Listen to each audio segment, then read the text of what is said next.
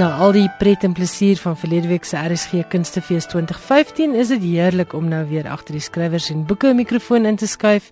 Ek is Elsje Salzwetel en jy's natuurlik ingeskakel op RSG 100 tot 104 FM. In vanaand se program, Suzette Kotse Meiberg gesels met die skrywer François Loots. Hulle praat onder meer oor sy splinternuwe roman In sneeu geskryf, maar kyk ook na François se ander romans. Johan Meiberg vertel vir ons watter kinderboekheldin is vanjaar 70 jaar oud en ek weet julle gaan haar almal ken. Ek gesels ook met professor Hein Willemse oor 'n vlag aan die tong, 'n bundel wat onlangs uitgereik is en wat voortspruit uit die derde swart Afrikaanse skrywer simposium van 5 jaar gelede. Nou is dit eers tyd vir Suzette Kotse Meiberg hier is sy in gesprek met François Loots. Ek hoop jy geniet die gesprek. Baie welkom by ons in die ateljee François. Hallo, dankie, is lekker om hier te wees. Jy skryf al van 2001 af wat jy jou eerste boek gepubliseer is en ons is nou al by jou 5de boek. Skryf jy nou voltyds?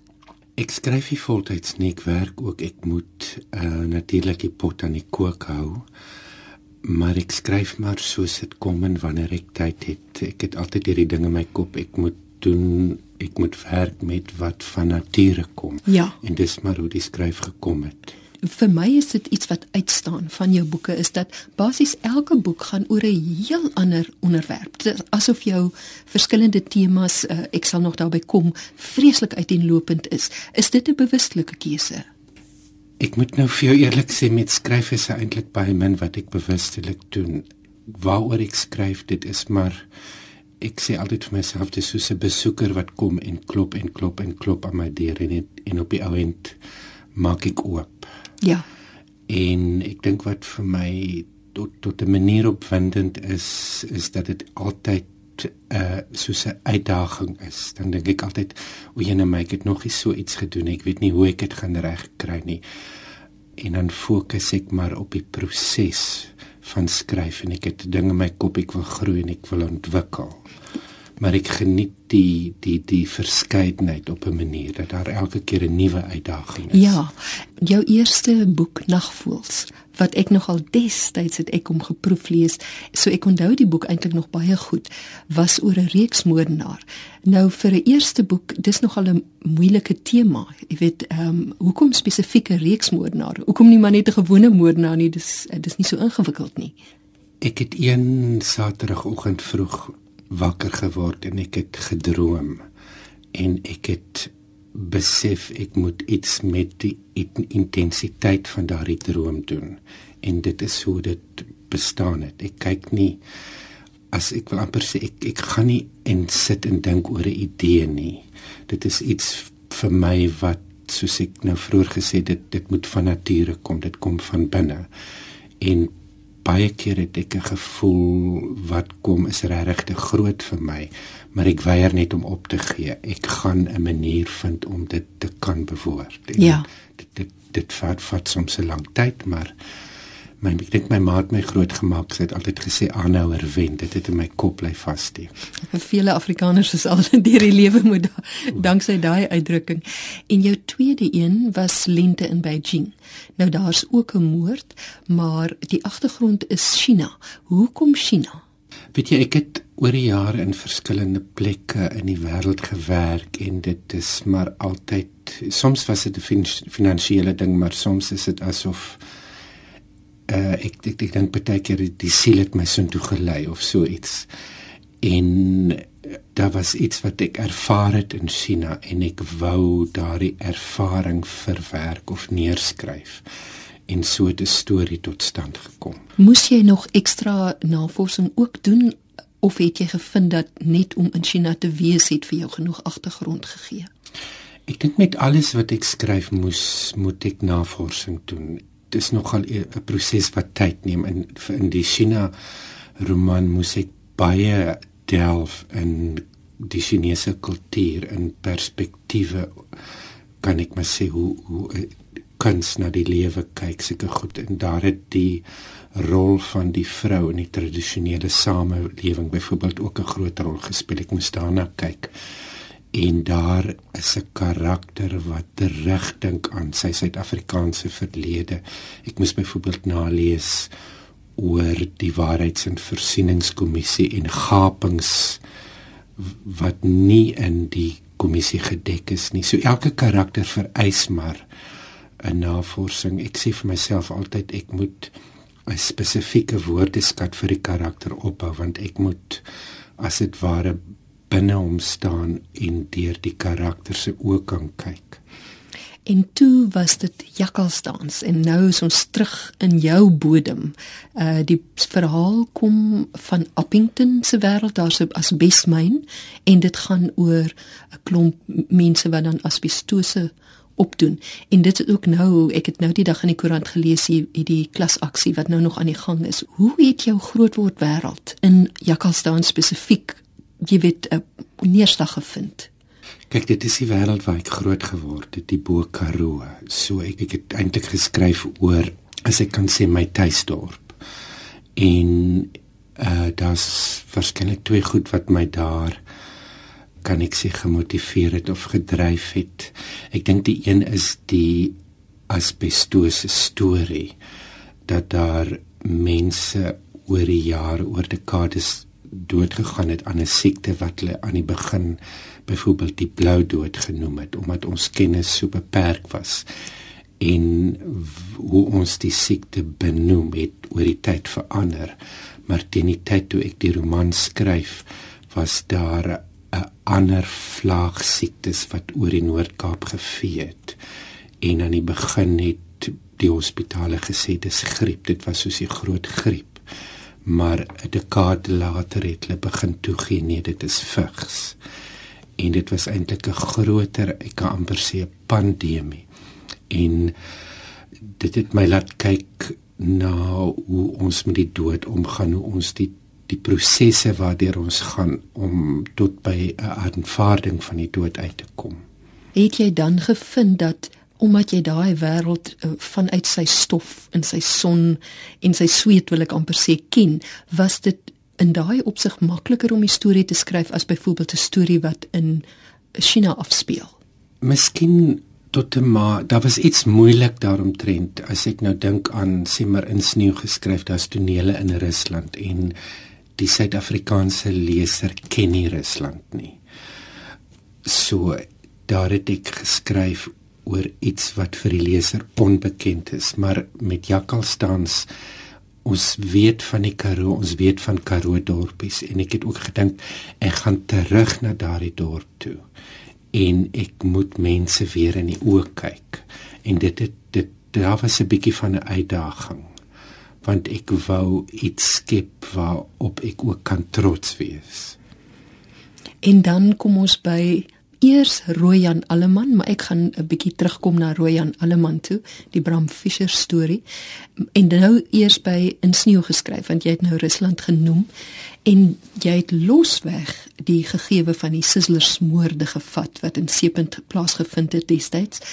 Maar wat vir my so boeiend is, is die Rusland deel van die storie waarmee die storie begin omtrent in die Russiese revolusie in 1917 ongeveer en jy het drie karakters daar en dan wanneer die storie na die hede toe kom uh, in die Sislers tydperk dan kom 'n mens agter maar hierdie karakters uh, dis as ware daar's groot verbintenis tussen hierdie twee uh, stelle karakters die drie mans in Rusland drie mans in Seepunt. Hoe werk daai verbintenis Okay, dit is moeilik om om die vraag te beantwoord want ehm um, dit voel my ek gaan nou soort van met 'n ompad praat. Ek dink in die eerste dae na die Sizzlers moorde was daar by my soos 'n aanvoeling of 'n gevoel of 'n vermoede dat hier 'n storie is. En 'n paar dae later was daar by my drie karakters, maar een van die eerste ek kan dit maar noem 'n wete, maar dit was nie 'n rasionele wete nie, 'n gevoel was dat reïnkarnasie hier 'n rol speel ek het nooit geweet hoe en waar ek die reïnkarnasie die reïnkarnasie gaan kry nie. En eers kort voordat ek begin skryf het, het ek besef maar dis eintlik Rusland wat ek moet gebruik want daar was altyd 'n belangstelling in Rusland en dis 'n tyd 'n plek waar ek op 'n tyd gewerk het. En toe dink ek toevallig het ek sal ek sê 'n ervaring of 'n kennis daarop gedoen wat ek kan gebruik. Maar ek dink wat met die roman in sneeu geskryf wat daar gebeur het is voordat ek begin skryf het was daar nog 'n groot mate van twyfel. Ek dink oor my eenskouer het twyfel geloer en gesê ek kan dit nie doen nie. En ek het nie antwoorde op al die vrae gevra nie en en ek het toe onthou ek het een keer 'n onderhoud met 'n met 'n Spaanse aktrise gesien en sy het gesê vir 'n rol moet sy na binne kyk. En toe het ek gedink ek moet myself eintlik figuurlik blind doek en na binne kyk en ek sal die reïnkarnasie tema in die karakters daar kry maar ek dink as gevolg daarvan kan ek nie eintlik altyd rasioneel verduidelik hoekom goed so werk nie. Ek het baie in die roman net met gevoel gewerk. Ja. Die gevoel, die emosie van die teks neem my waarheen ek moet gaan. Dit was maar wat my gelei het.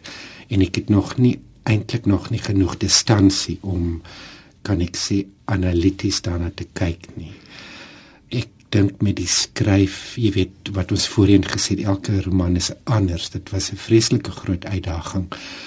En ek onthou ek het een keer van die Suid-Amerikaanse skrywer Mario Vargas Llosa het een keer het, het gelees hy skryf jy kan oor enigiets skryf jy moet net die leser oortuig.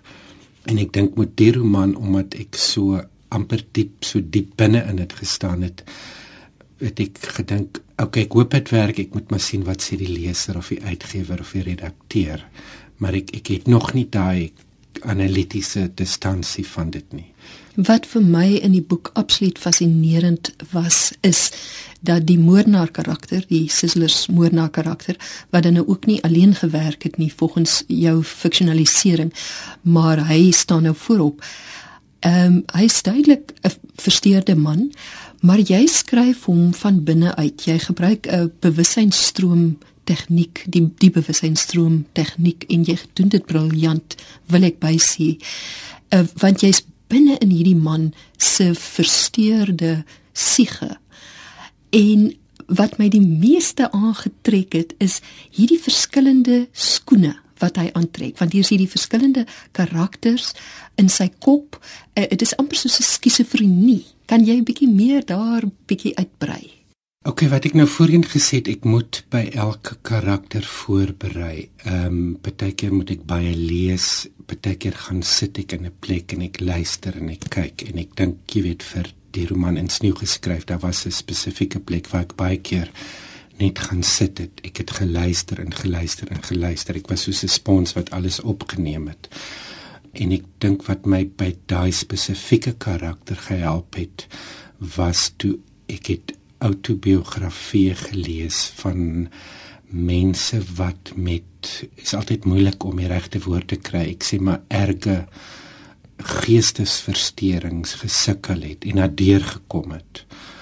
En hulle het vir my verduidelik hoe dit werk. Hulle het vir my gehelp om as dit ware van binne te kyk en deur die karakter se oë te kyk. Ek weet nou nie of ek die vraag nee, beantwoord nie. Nee, dis dis regtig um, so interessant hoe jy dit reg kry om hierdie absoluut uh, geloofwaardige karakter, 'n gruwelike karakter en die leser se hare staan omtrent oorent, maar jy's so gefassineer deur hierdie man. Kyk, ek dink ehm um, jy weet met skryf speel ek die hele tyd met die leser. Dit is as ek moet by die roman het ek baie was ek baie bewus daarvan dat ek die leser se aandag moet behou. So die leser het miskien ook oor een skouer geloer. Wat ek miskien ook wil sê is dit is 'n donker wêreld waarin die roman ingaan want dit is uh kan ek sê dit is 'n bordeel 'n nagtelike lewe en daar was in 2003 nege moorde en daar was 'n soort waansin wat tot sulke moorde kan lei. So dit is 'n baie donker, amper soos 'n donker vallei, maar ek dink wat ek in veral in Jakkalsdans gelees geleer het waar ons met hierdie donker ding as bestose gesukkel het as ek in hy donkerte is, dan kyk ek waar is hoop, waar is lig. En dit het my ook gedryf in hoe ek die karakter geskrywe het. En nou kom ons by Royan Alleman, jou Bram Fischer boek uh ook geweldige interessante uh, tydperk in die geskiedenis in die Afrikaner geskiedenis waarvan 'n mens eintlik baie min weet want dit was die uh, kommunistiese party die Suid-Afrikaanse uh, SAKP wat ek dink baie min mense ken daai stuk geskiedenis van hoe die party al in die 20er jare gevorm is in dieselfde tyd natuurlik na die Russiese revolusie van uh, 1917 het uh, kommunisme nou formeel begin beslag kry.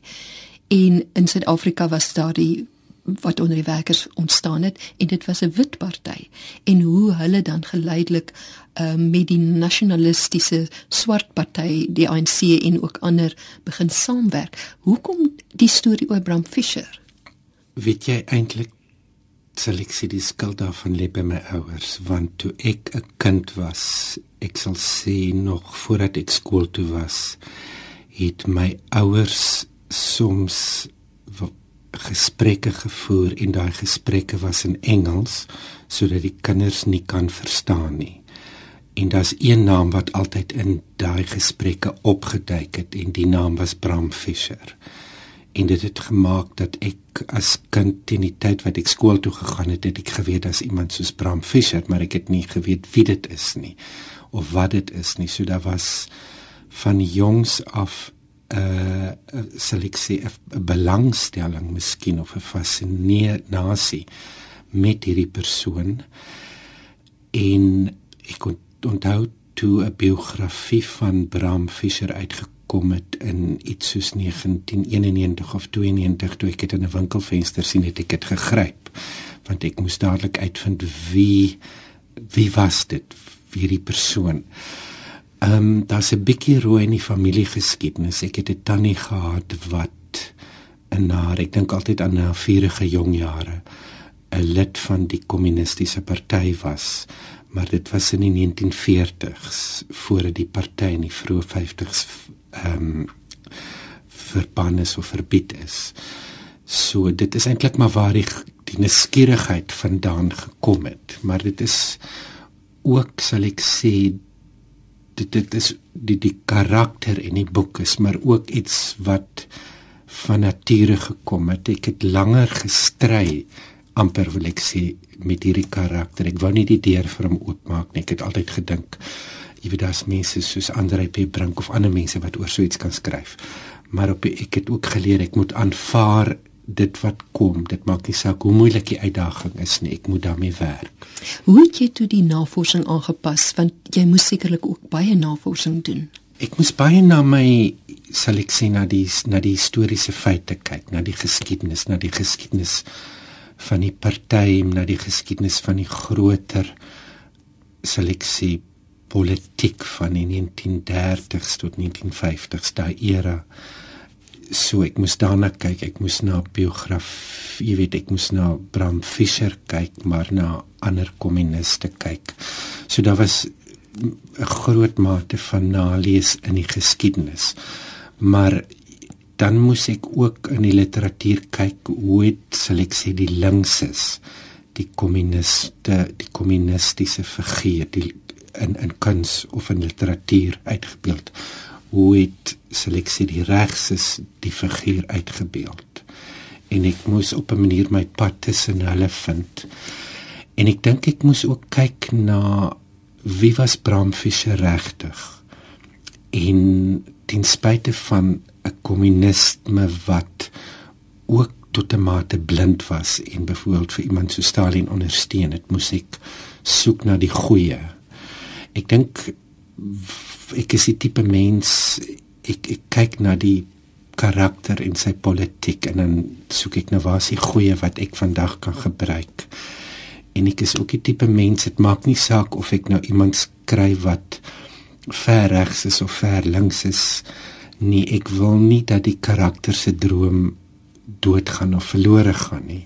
En sulke goed het maar altyd deur my kop gewerk en ek dink met Bram, daar was byvoorbeeld 'n ander ding wat 'n rol gespeel het. Ek was baie bewus daarvan dat ek 'n kommunis moet skryf wat 'n ateïs was. Ja. En dan het ek gedink, maar as ek dit dan moet doen, as hy dan nie wil weggaan nie, dan gaan ek wraak neem dan moet 'n plek in die roman wees waar hy sê, nou wat van God? Wie is God? So dis maar 'n klomp elemente wat daar saam, jy weet, saamgewerk het maar wat miskien anders was van die roman was dat ek bladsye of boeke notaboeke jy weet gehad het wat volgeskryf was en elke keer of af en elke nou en dan eers moes gaan nalees het. Wie was die figuur en wanneer was dit nou? Maar op die ouend sal ek sê met fiksie ek het geleer ek moet 'n patroon soek. Ek dink as 'n russiese digter wat my baie gehelp het al skryf ek fiksie.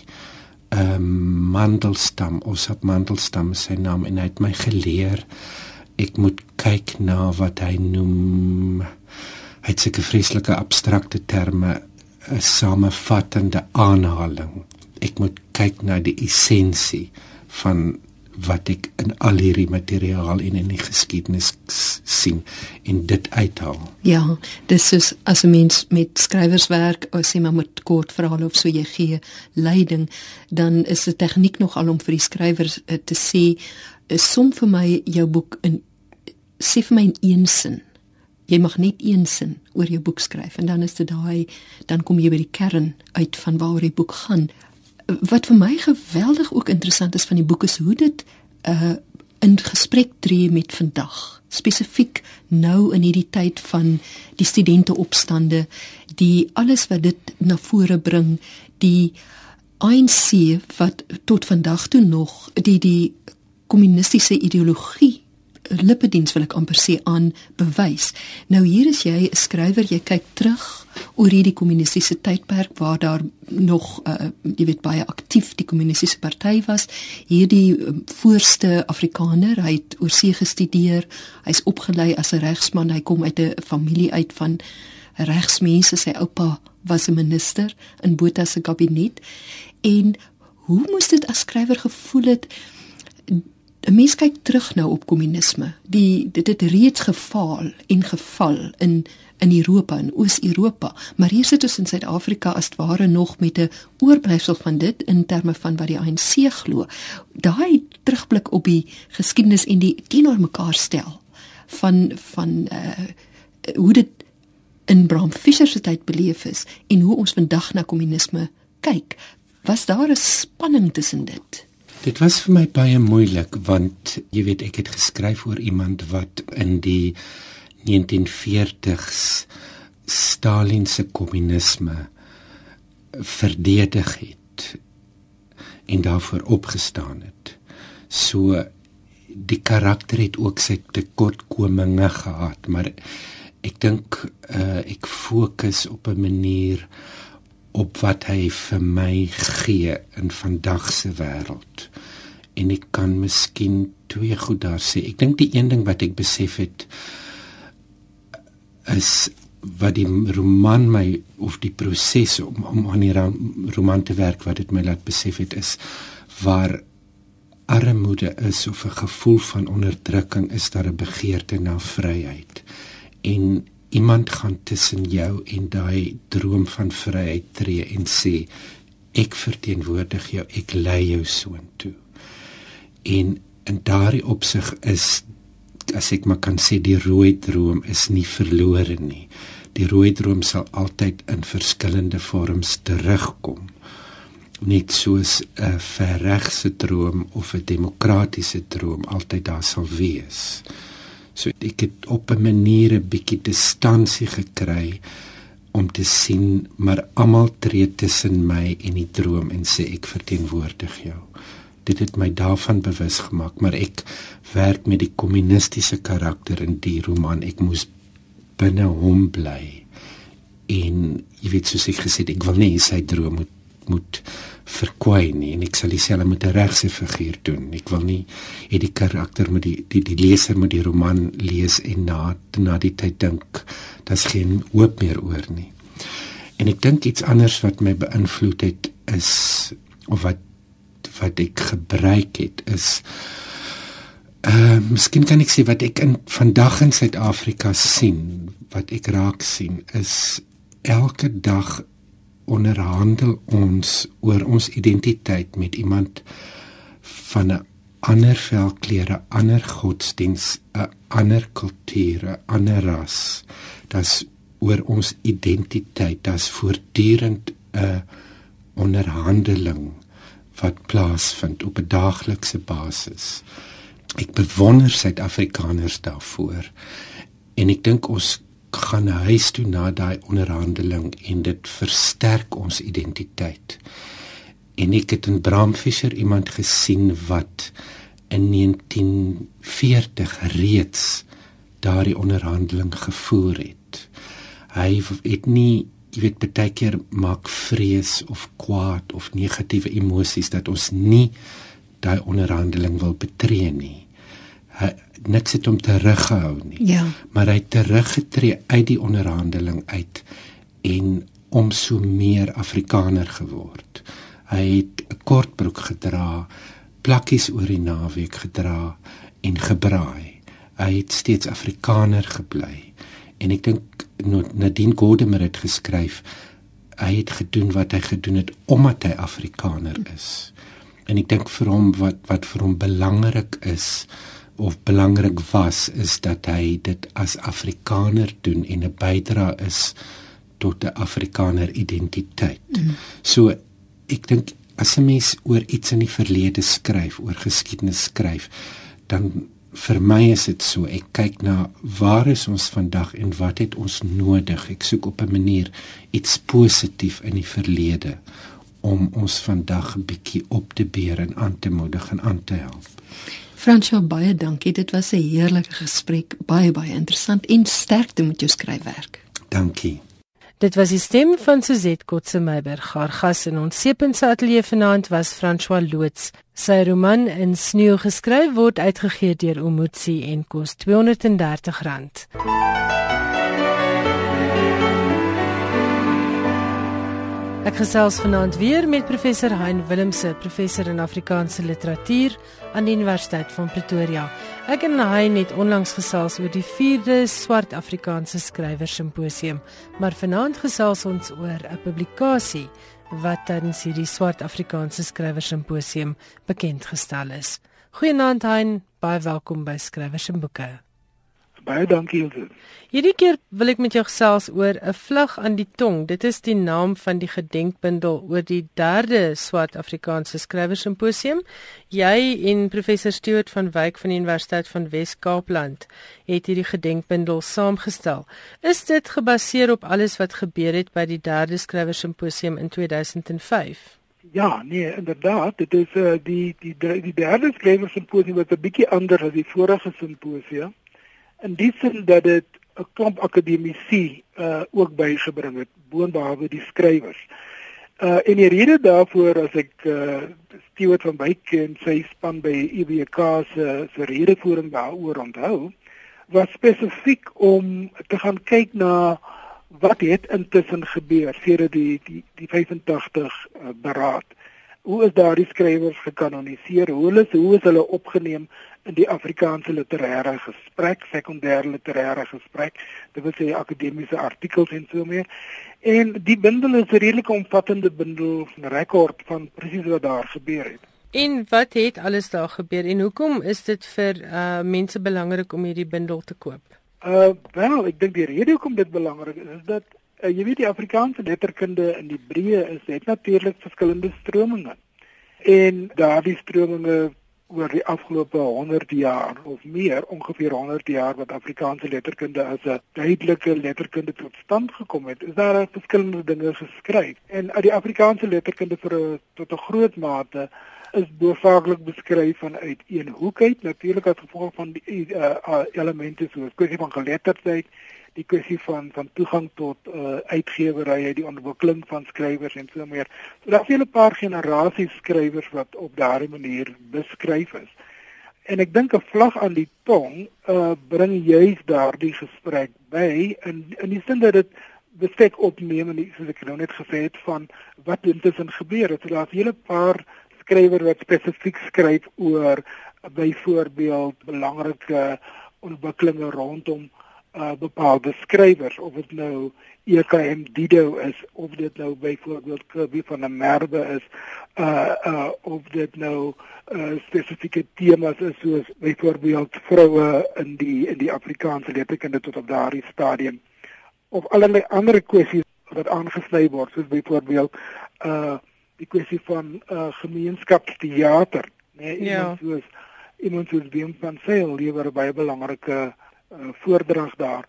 Dieselfde met iemand soos uh, Rudy Venter wat byvoorbeeld skryf oor die publikasieomgewing van wat hy noem Suid-Afrikaanse skrywers 'n diskursiewe praktyk, hoe dit hoe dit tot stand kom. Ja, en en hoe hoe wat wat is die plek binne die uitgewerswese vir swart Afrikaanse skrywers? Inderdaad, ja, ja. En dan ja. sien ek hier so 'n onderwerpe soos die Christelike inspirasie in die prosa van prosa van swart skrywers. Elias Pienaar se uh verrekeninge van taalvariasie in die prosa werk. Dit is natuurlik ook belangrik want almal praat nie dieselfde soort Afrikaans nie, né? Nee. Ja, jy weet as mens natuurlik nou na iets soos byvoorbeeld eenvoudige ding soos uh, dialek, dialekvorme gaan kyk. Jy weet ons almal praat maar dialek op 'n vorm van 'n dialek of dit nou staan selfstandaardtaal is 'n uh, as jy wil 'n variëteit van Afrikaans. Uh en ons ons uh, doen eintlik nie genoeg werk daar rondom in die breë Afrikaanse letterkunde oor die idee van van variëteite en en uh, die Afrikaanse letterkunde nie.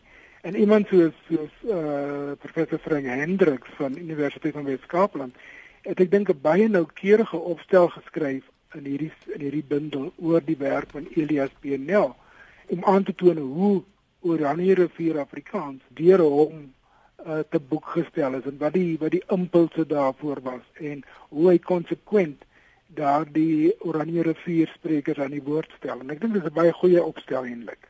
En weet jy ek sit nou en kyk na die spesifieke opstel. Daar is wonderlike taaljuwele wat Frank Hendriks dan ook uitlig vir gewone lesers wat dalk nou nie al Elias Pienaar se werk ken nie. Ek sien sommer hierdie hierdie wonderlike idiomatiese Afrikaans wat in sekere dele van die land voorkom en wat die res van ons nie eers van gaan weet met ons daar groot geword het nie. Ja, ek dink Elias Nel het natuurlik baie vandag meer bekend as iemand wat die riedel dans in Suid-Afrika het uh, laat herleef het. Ja. So hy so hy kom uit daardie geestes en sosiale wêreld uh van uh Namakoland die uh, uh reel dans wat spesifiek verbind word met byvoorbeeld die ou uh, koi tradisies en so meer. En ek dink dit is 'n waardevolle toevoeging tot die breë Afrikaanse literatuur en kultuurskat. Ja, en ek sien ek sien regtig mooi taal. Ek sien nou sommer die woord teriaken in plaas van diaken. Hmm. En die woord wat waarsty en dit is regtig lieflike goed wat hier opgeteken is. So ek sou ten minste aanbeveel dat almal wat ernstig is oor Afrikaans hierdie boek sou aanskaf. Dan is daar ook 'n hoofstuk oor vroue fiksieskrywers wat Afrikaanse uh vroue skrywers mm. en manlikheid in die romans van EKM Dido. Mm. En dan is daar heelwat um van die paneelbesprekings wat opgeskryf is en hier geboekstaaf is. Ja, die die boek is natuurlik verdeel in 'n paar dele die gedeelte waaroor ons nou net gepraat het handel spesifiek oor wat ons noem kritiek en analise. So dit is hoofsaaklik akademici wat dan bepaalde aspekte en onderwerpe uitlig en daaroor uh verslag lewer. Uh en dan is daar die paneelbesprekings wat nog altyd deel was van die swart skrywers simposium tradisie uh waar skrywers spesifiek deelneem uh vanuit hulle eie hoeke uit uh met hulle eie stem praat uh sonder die lang langdradigheid van akademici en sonder die teoretiese uh onderbou van akademici en doodgewone skrywers praat. Dis ook 'n interessante ontwikkeling daardie. En uh ons het 'n paar baie goeie goeie voorbeelde daar. Waar kan mense wat belangstel om hierdie boek aan te skaf, waar kan hulle dit in die hande kry? Wel, die boek is uitgegee deur Hond en deur Abriel Duman Uitgewers, maar dit mm -hmm. kan bestel word van die Universiteit van Wes-Kaapland. Die telefoonnommer daar is 021 959 2113. 2113. En met wie praat hulle daar? Daar praat hulle met Janine Pekeer. P E K E I R. Janine Pekeer. Ek wil net gou die nommer herhaal. Ehm um, hein dis 021 959 2113. Dis hy, dis korrek. Goed, baie dankie. Dit was professor Hein Willemse, dosent in Afrikaanse literatuur aan die Universiteit van Pretoria en ons het gepraat oor 'n vlag aan die tong, die gedenkbundel van die 3de swart Afrikaanse skrywer simposium. Hein, baie dankie vir jou tyd. Baie dankie. Jylle.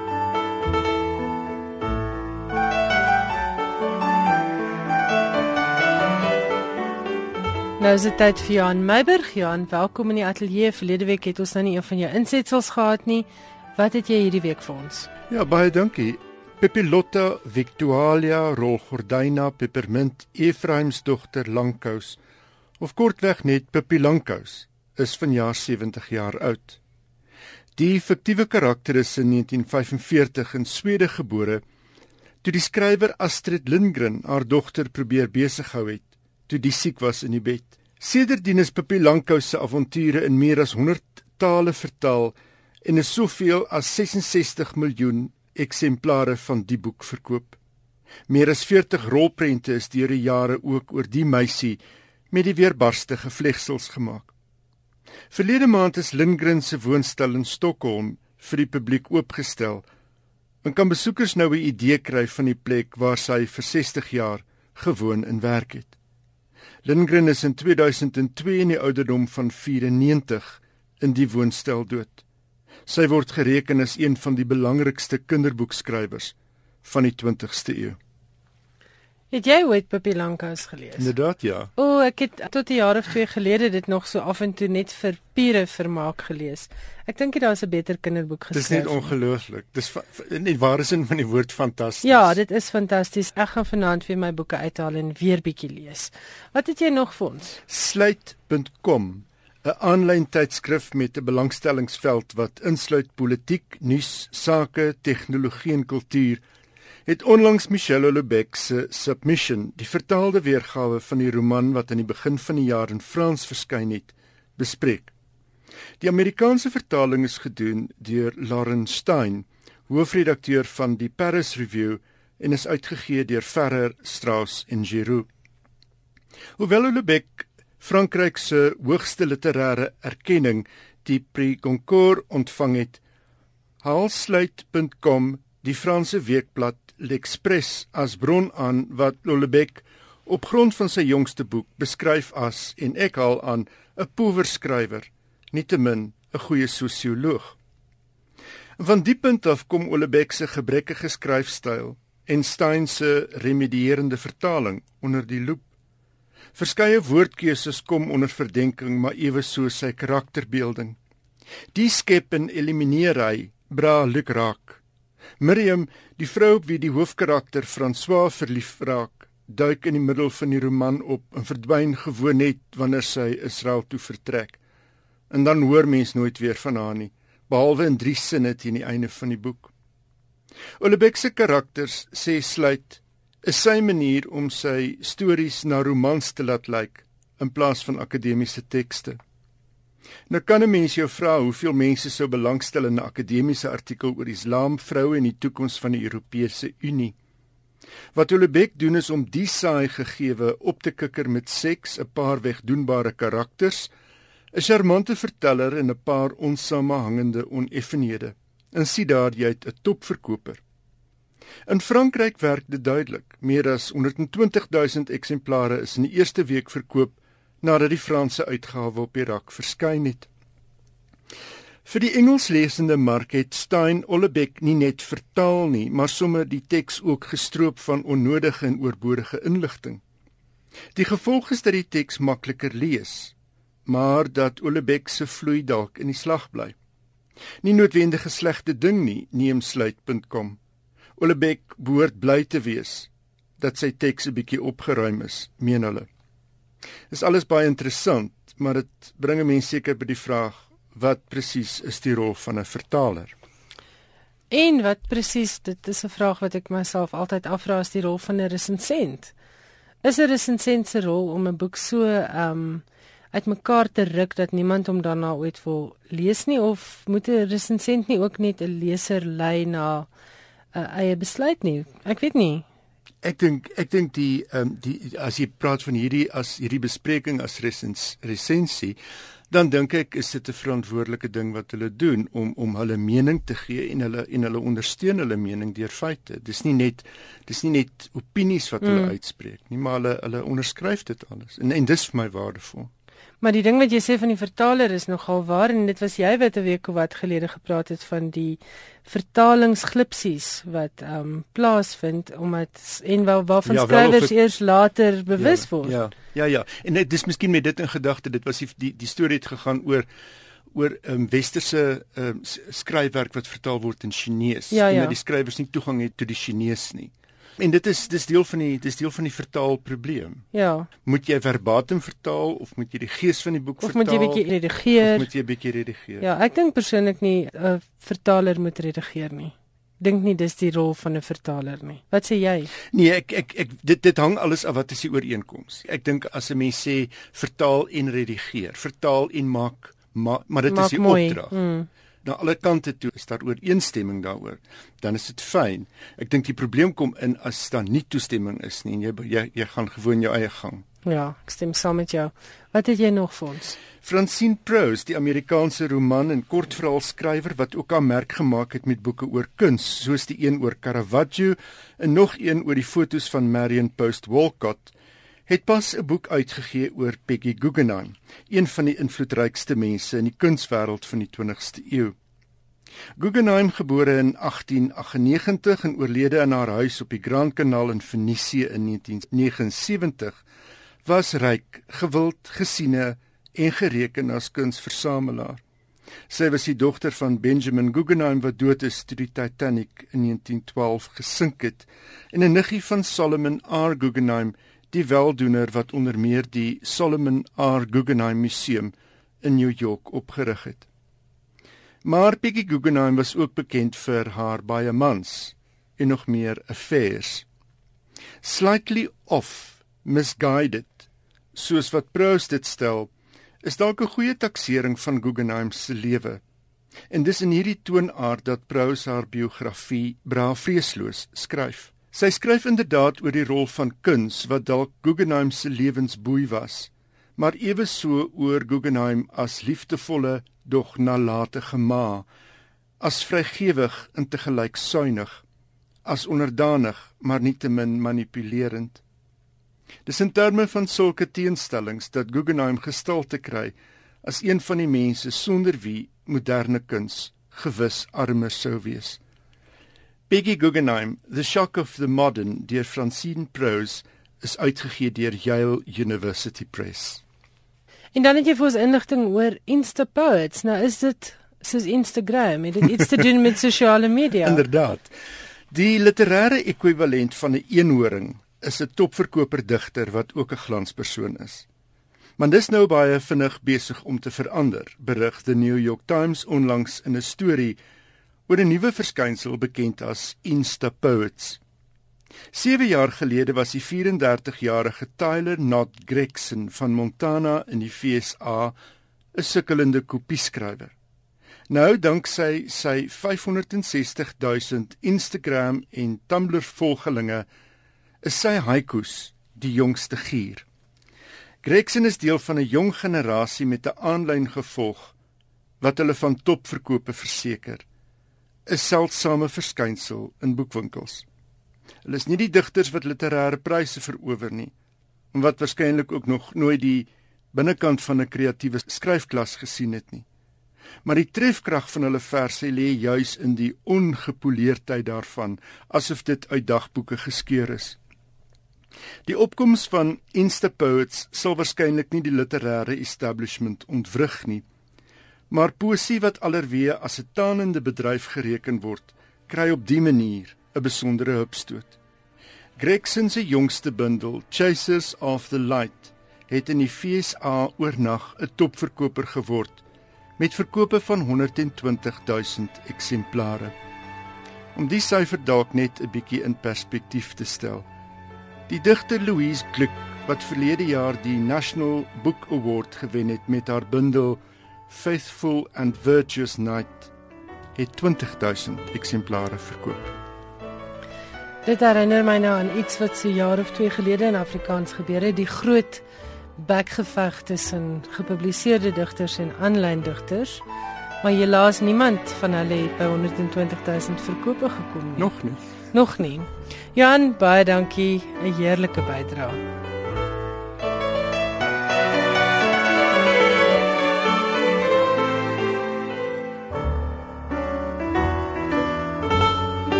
Met Johan Meiburg se lekker bydrae het ons dan ongelukkig aan die einde gekom van vanaand se skrywers en boeke. As jy die program weer 'n keer wil luister of as jy dit wil gebruik vir 'n bespreking by jou boekklub, onthou dit is beskikbaar as 'n potgooi op ons webwerf by rsg.co.za. Volg net die baie maklike stappe. Laat weet vir my wat het jy van vanaand se program geniet? Die SMS nommer is 34024 en elke SMS kos R1. Volgende week is ek terug, dan gesels ek met François Bloemel wat saam met Donalie Roberts en Ivan Botha 'n roman geskryf het met die naam Vir altyd. En dit word natuurlik ook weer soos met hulle vorige samewerking omskep in 'n film wat in Februarie op die kringloop sal wees. Kom luister hoe word 'n draaiboek 'n boek en hoe werk 'n akteur en 'n aktrise en 'n skrywer saam. Daarmee groet ek Elsje Salzwetel dan tot volgende woensdag aand dieselfde tyd net na 8 dieselfde plek hier op RSG 100 tot 104 FM bly ingeskakel vir Tarin Oosthuizen se heerlike musiekprogramme en ek hoop jy het 'n rustige nag. Totsiens